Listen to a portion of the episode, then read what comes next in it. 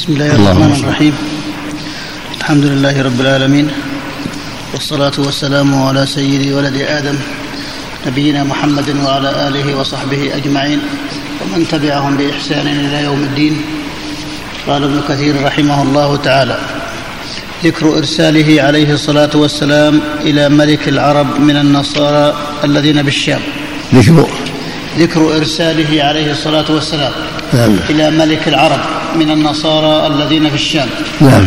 قال ابن إسحاق ثم بعث رسول الله صلى الله عليه وسلم شجاع بن وهب أخا بني أسد بن خزيمة إلى المنذر بن الحارث بن أبي شمر الغساني صاحب دمشق. قال الواقدي وكتب معه سلام على من اتبع الهدى وآمن به وإني أدعوك إلى أن تؤمن بالله وحده. لا شريك له يبقى لك ملكك. فقدم شجاع بن وهب فقرأه عليه فقال ومن ينتزع ملكي إني سأسير إليه. إني إني سأسير إليه. نعم. ذكر بعثه ذكر بعثه إلى كسرى ملك الفرس.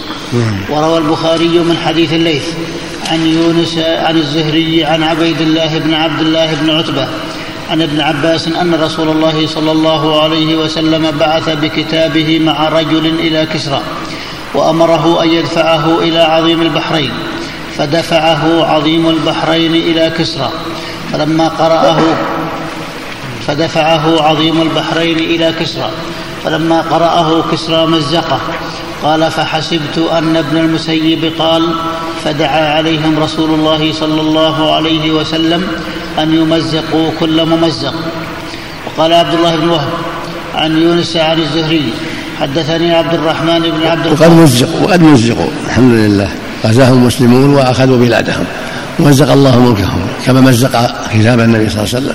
نعم الله المستعان. قال نعم. عبد الله بن وهب عن يونس عن الزهري حدثني عبد الرحمن بن عبد القاري أن رسول الله صلى الله عليه وسلم قام ذات يوم على المنبر خطيبا فحمد الله وأثنى عليه وتشهد ثم قال أما بعد فإني أريد أن أبعث بعضكم إلى ملوك الأعاجم فلا تختلفوا علي كما اختلفت بنو إسرائيل على عيسى بن مريم أعد أعد وقال إيش؟ من؟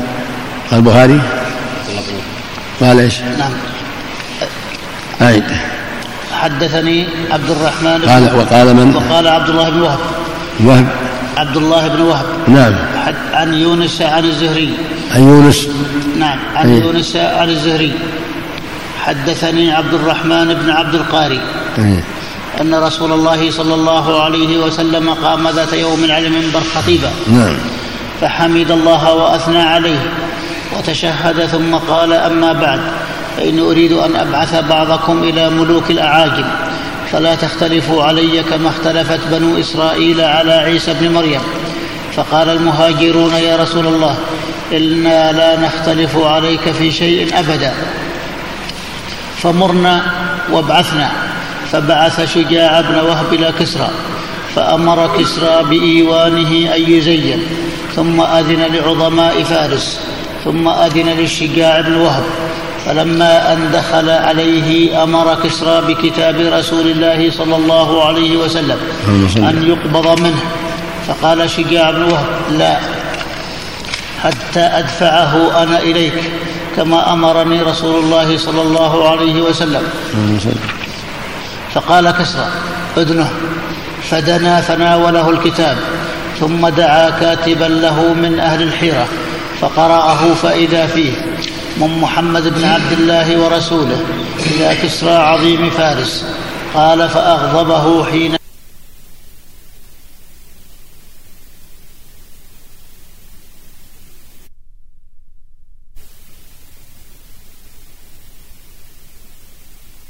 قعد على راحلته ثم سار. ثم قال والله ما أبالي على أي الطريقين أكون إذ أديت كتاب رسول الله. صلى الله عليه وسلم. قال ولما ذهب عن كسرى ثورة غضبه بعث إلى شجاع ليدخل عليه فالتمس فلم يوجد فطلب إلى الحيرة فسبق, فسبق. فلما قدم شجاع على النبي صلى الله عليه وسلم أخبره بما كان من أمر كسرى وتمزيقه لكتاب رسول الله صلى الله عليه وسلم. فقال صلى الله عليه وسلم مزق كسرى ملكه وروى محمد بن إسحاق عن عبد الله بن أبي بكر عن أبي سلمة أن رسول الله صلى الله عليه وسلم بعث عبد الله بن حذافة بكتابه إلى كسرى فلما قرأه مزقه ولما بلغ رسول الله صلى الله عليه وسلم قال مزق ملكه.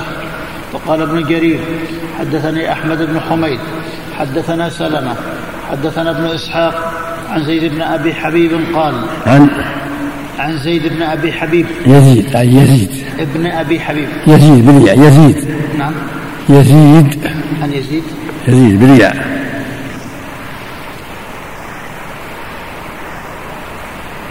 عن يزيد بن أبي حبيب قال وبعث عبد الله بن حذافة ابن قيس بن عدي بن سعيد بن سهم إلى كسرى ابن هرمز. ملك فارس وكتب معه. بسم الله الرحمن الرحيم. من محمد رسول الله إلى كسرى عظيم فارس. سلام على من اتبع الهدى وآمن بالله ورسوله وشهد أن لا إله إلا الله وحده لا شريك له وأن محمدا عبده ورسوله وأدعوك بدعاء الله. فإني أنا رسول الله. إلى الناس كافة لأنذر من كان حيا ويحق القول على الكافرين. فإن تسلم تسلم وإن أبيت فإن إثم المجوس عليك. قال فلما قرأه شقه وقال يكتب إلي بهذا وهو عبدي؟ قال ثم كتب كسرى إلى باذان وهو نائبه على اليمن. أن ابعث إلى هذا الرجل بالحجاز رجلين من عندك جلدين فليأتياني به. فبعث باذان قهرمان وكان كاتبا حاسبا بكتاب فارس. وبعث معه رجلا من الفرس يقال له خرخسرة وكتب معهما إلى رسول الله صلى الله عليه وسلم يأمره أن ينصرف معهما إلى كسرى. وقال لبابويه ائت بلاد هذا الرجل وكلمه وأتني بخبره. فخرجا حتى قدم الطائف فوجدا رجلا من قريش في أرض الطائف فسألوه عنه فقال هو بالمدينة. واستبشر أهل الطائف يعني وقريش بهما وفرحوا وقال بعضهم لبعض أبشروا فقد فقد نصب له كسرى ملك الملوك كفيتم الرجل فخرجا حتى قدما على رسول الله صلى الله عليه وسلم فكلمه بابويه فقال إن شاه شاه ملك الملوك كسرى قد كتب إلى الملك باذان يأمره أن يبعث إليك من يأتيه بك. وقد بعثني إليك لتنطلق معي. فإن فعلت كتب لك إلى ملك الملوك ينفعك ويكفه عنك. وإن أبيت فهو من قد علمت. فهو مهلكك ومهلك قومك ومخرب بلادك. ودخل على رسول الله صلى الله عليه وسلم. وقد حلقا لحاهما وأعفيا شواربهما. فكره النظر إليهما وقال ويلكما من أمركما بهذا قال أمرنا ربنا يعني يعني كسرى فقال رسول الله صلى الله عليه وسلم ولكن ربي أمرني بإعفاء لحيتي وقص شاربي ثم قال ارجعا حتى تأتياني غدا قال وأتى رسول الله صلى الله عليه وسلم الخبر من السماء بأن الله قد سلط على كسرى ابنه شيرويه فقتله في شهر كذا وكذا في ليلة كذا وكذا من الليل. سلط عليه ابنه شيرويه فقتله. قال فدعاهما فأخبرهما فقال هل تدري ما تقول؟ إنا قد نقمنا عليك ما هو أيسر. إنا إنا قد نقمنا عليك ما هو أيسر. من هذا أفنكتب عنك بهذا؟ ونخبر الملك بأذان؟ قال نعم. أخبراه ذاك عني وقولا له إن ديني وسلطاني سيبلغ ما بلغ كسرى وينتهي إلى الخف والحافظ وقولا إن أسلمت أعطيتك ما تحت يديك وملكتك على قومك من الأبناء. ثم أعطى خرخسرة منطقة فيها ذهب وفضة. كان أهداها له بعض الملوك. فخرج من عنده حتى قدم على باذان فأخبراه الخبر فقال والله ما هذا بكلام ملك؟ وإني والله فقال والله ما هذا بكلام ملك؟ وإني لأرى الرجل نبيا كما يقول. ما هذا؟ ما والله. والله ما هذا بكلام ملك. بكلام؟ ملك. لكن طيب. نعم بكلام ملك. نعم. وإني لأرى الرجل نبيا كما يقول. ولا يكونن ما قد قال فلئن كان هذا حقا فهو نبي مرسل وإن لم يكن فسنرى فيه رأيا. وإن لم يكن. وإن لم يكن فسنرى فيه رأيا. نعم. ثم فلم ينشب بأذان أن قدم عليه كتاب شيرويه. أما بعد فإني قد قتلت كسرى ولم أقتله إلا غضبا لفارس.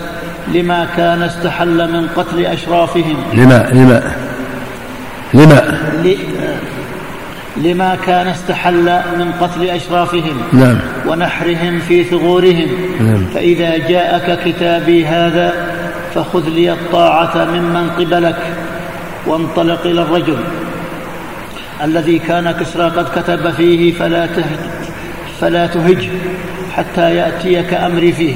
فلما انتهى كتاب شيرويه إلى باذان قال إن هذا الرجل لرسول فأسلم وأسلمت الأبناء من فارس من كان منهم باليمن.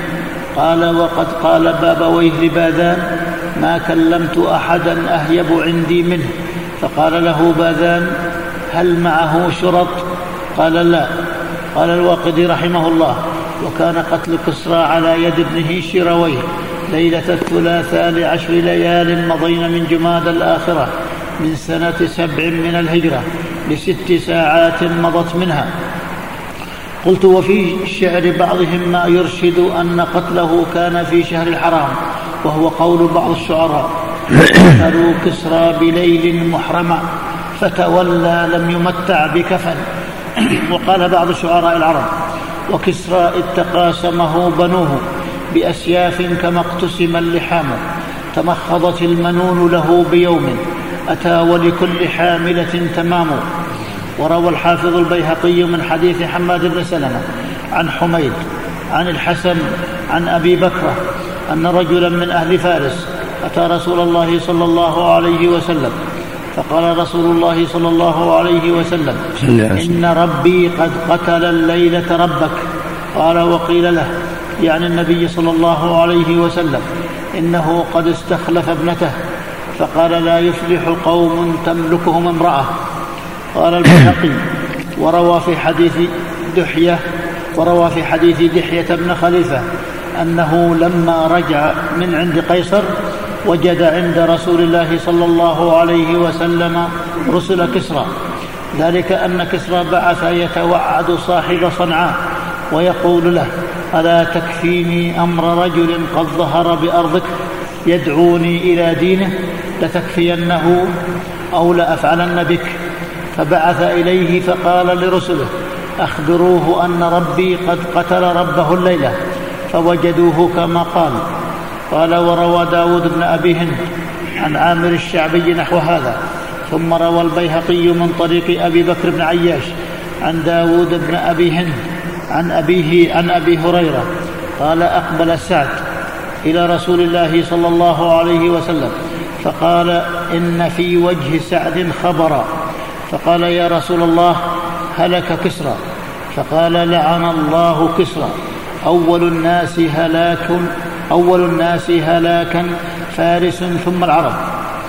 قلت الظاهر أنه لما أخبر رسول الله صلى الله عليه وسلم بهلاك كسرى لذينك الرجل.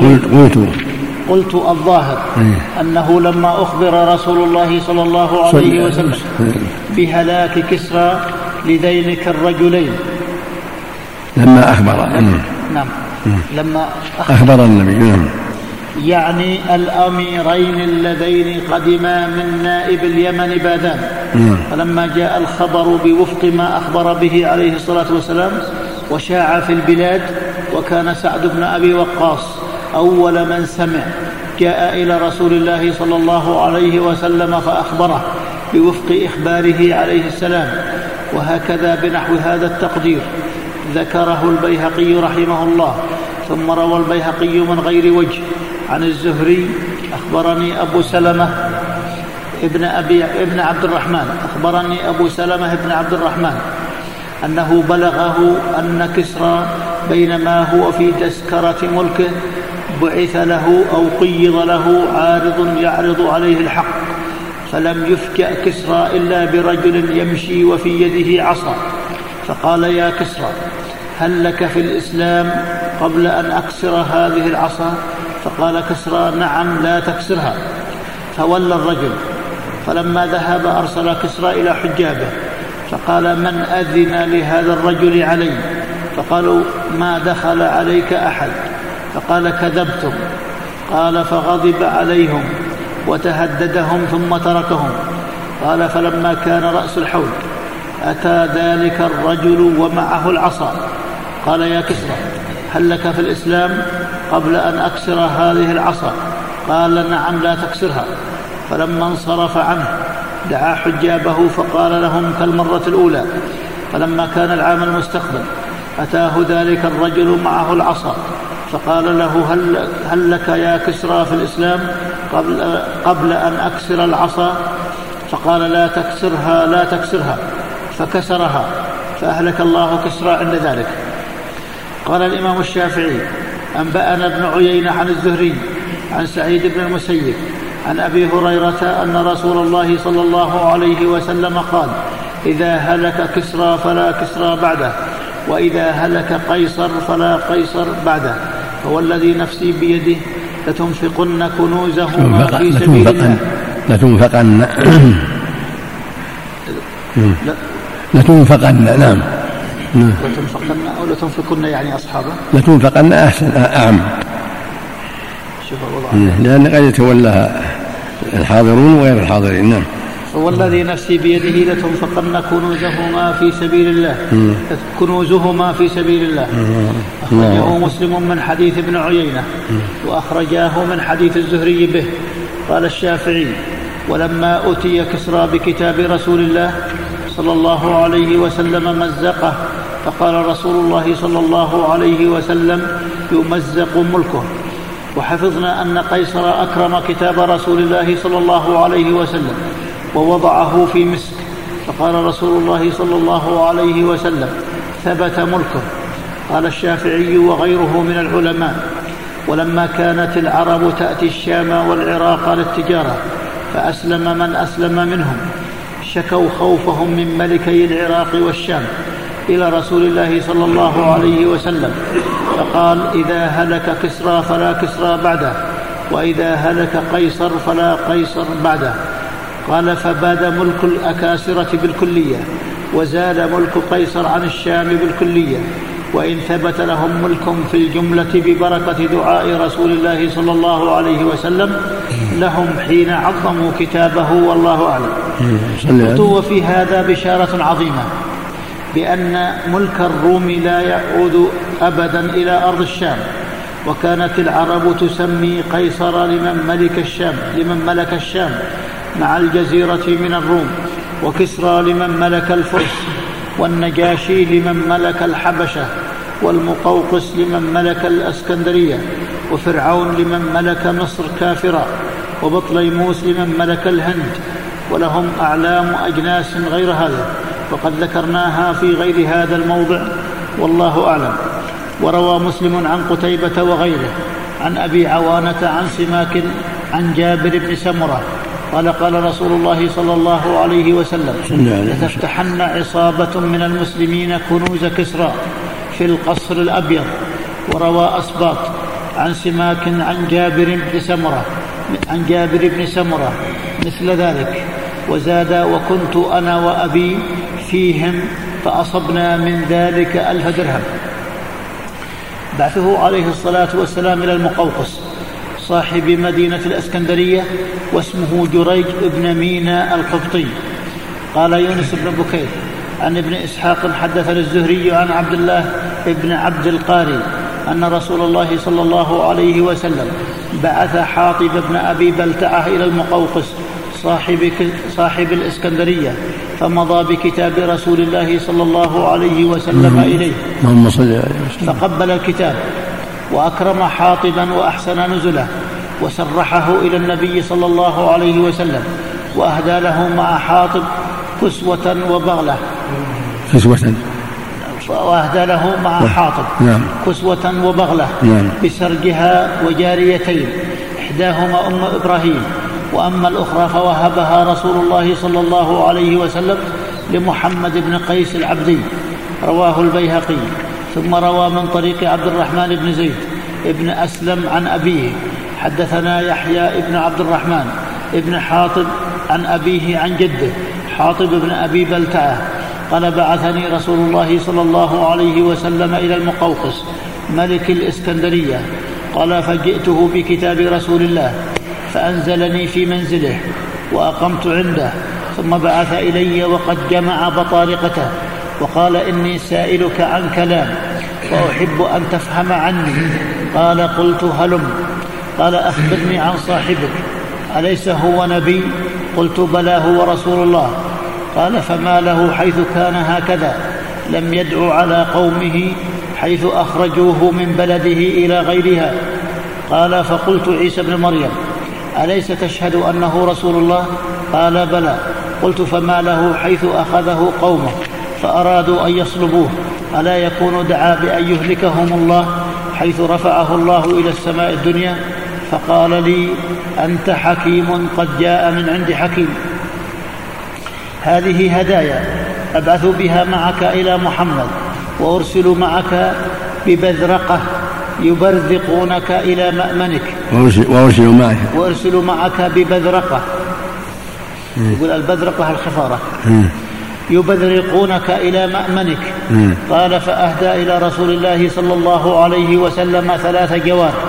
منهن أم إبراهيم ابن رسول الله صلى الله عليه وسلم وواحدة وهبها رسول الله صلى الله عليه وسلم لحسان بن ثابت الأنصاري وأرسل إليه بطرف من طرفهم وذكر ابن إسحاق أنه أهدى إلى رسول الله صلى الله عليه وسلم أربع جوار إحداهن مارية أم إبراهيم والأخرى سيرين التي وهبها لحسان بن ثابت. فولدت له عبد الرحمن بن حسان. قلت وكان في جملة الهدية غلام أسود خصي اسمه مابور وخفين ساذجين أسودين وبغلة بيضاء اسمها الدلدل وكان مابور هذا خصيا ولم يعلموا بأمره بادئ الأمر فصار يدخل على ماريه كما كان من عاداتهم ببلاد مصر. فجعل بعض الناس يتكلم فيها فيهما بسبب ذلك ولا يعلمون بحقيقة الحال وأنه خصي حتى قال بعضهم إنه الذي أمر رسول الله صلى الله عليه وسلم علي بن أبي طالب بقتله فوجده خصيا فتركه والحديث في صحيح مسلم. قال ابن إسحاق وبعث سليط ابن وبعث سليط بن عمرو بن عبد ود أخا بني عامر بن لؤي إلى هوذة ابن علي صاحب اليمامة وبعث العلاء بن الحضرمي إلى جيفر بن الجلندى وعمار بن الجلندى الأزديين صاحبي عمان. غزوة ذات السلاسل. ذكر الحافظ البيهقي ها هنا. بركة سمى الله رحمة الله عليه. نعم. الله المستعان الله أكبر. الله أكبر والصلاة والسلام على